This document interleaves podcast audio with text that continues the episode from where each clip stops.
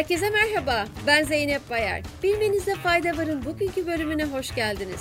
Avrupa Birliği'nin dijital cüzdan kullanımına ilişkin aldığı kararla başlıyoruz.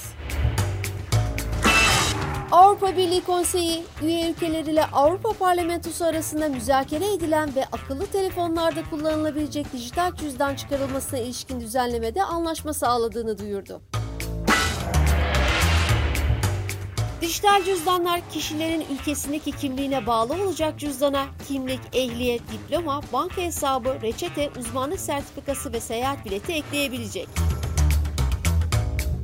Dijital cüzdanla başka tanımlama yöntemleri kullanılmadan çeşitli kamu ve özel hizmetlerden faydalanabilecek. Öte yandan cüzdandaki veriler bütün AB ülkelerinde tanınacak. 48 ülkeden kripto varlıklar hakkında alınan kararla devam ediyoruz.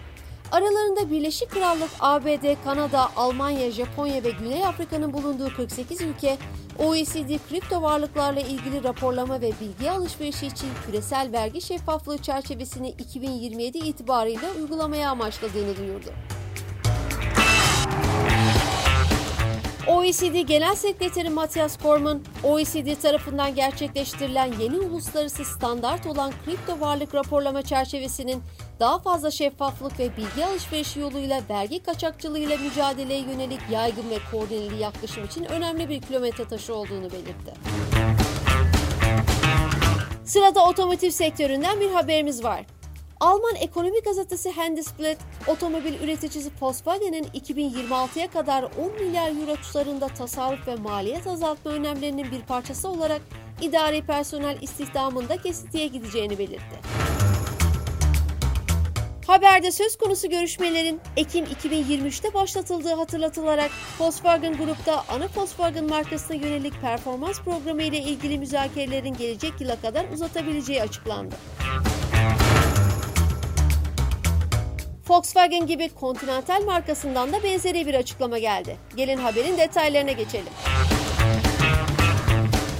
Alman menşeili lastik ve otomobil parçaları üreticisi Continental, 2025'ten itibaren yılda 400 milyon euro tasarruf etme planı kapsamında otomotiv bölümünde binlerce kişiyi işten çıkaracağını bildirdi.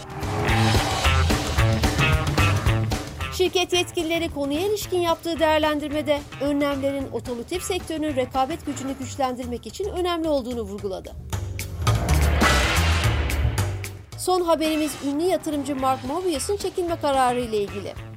Mobius Investment Trust, uluslararası piyasalarda yatırım kurucusu olarak bilinen Mark Mobius'un gelecek aylarda Mobius Capital Partners'tan ayrılacağını açıkladı.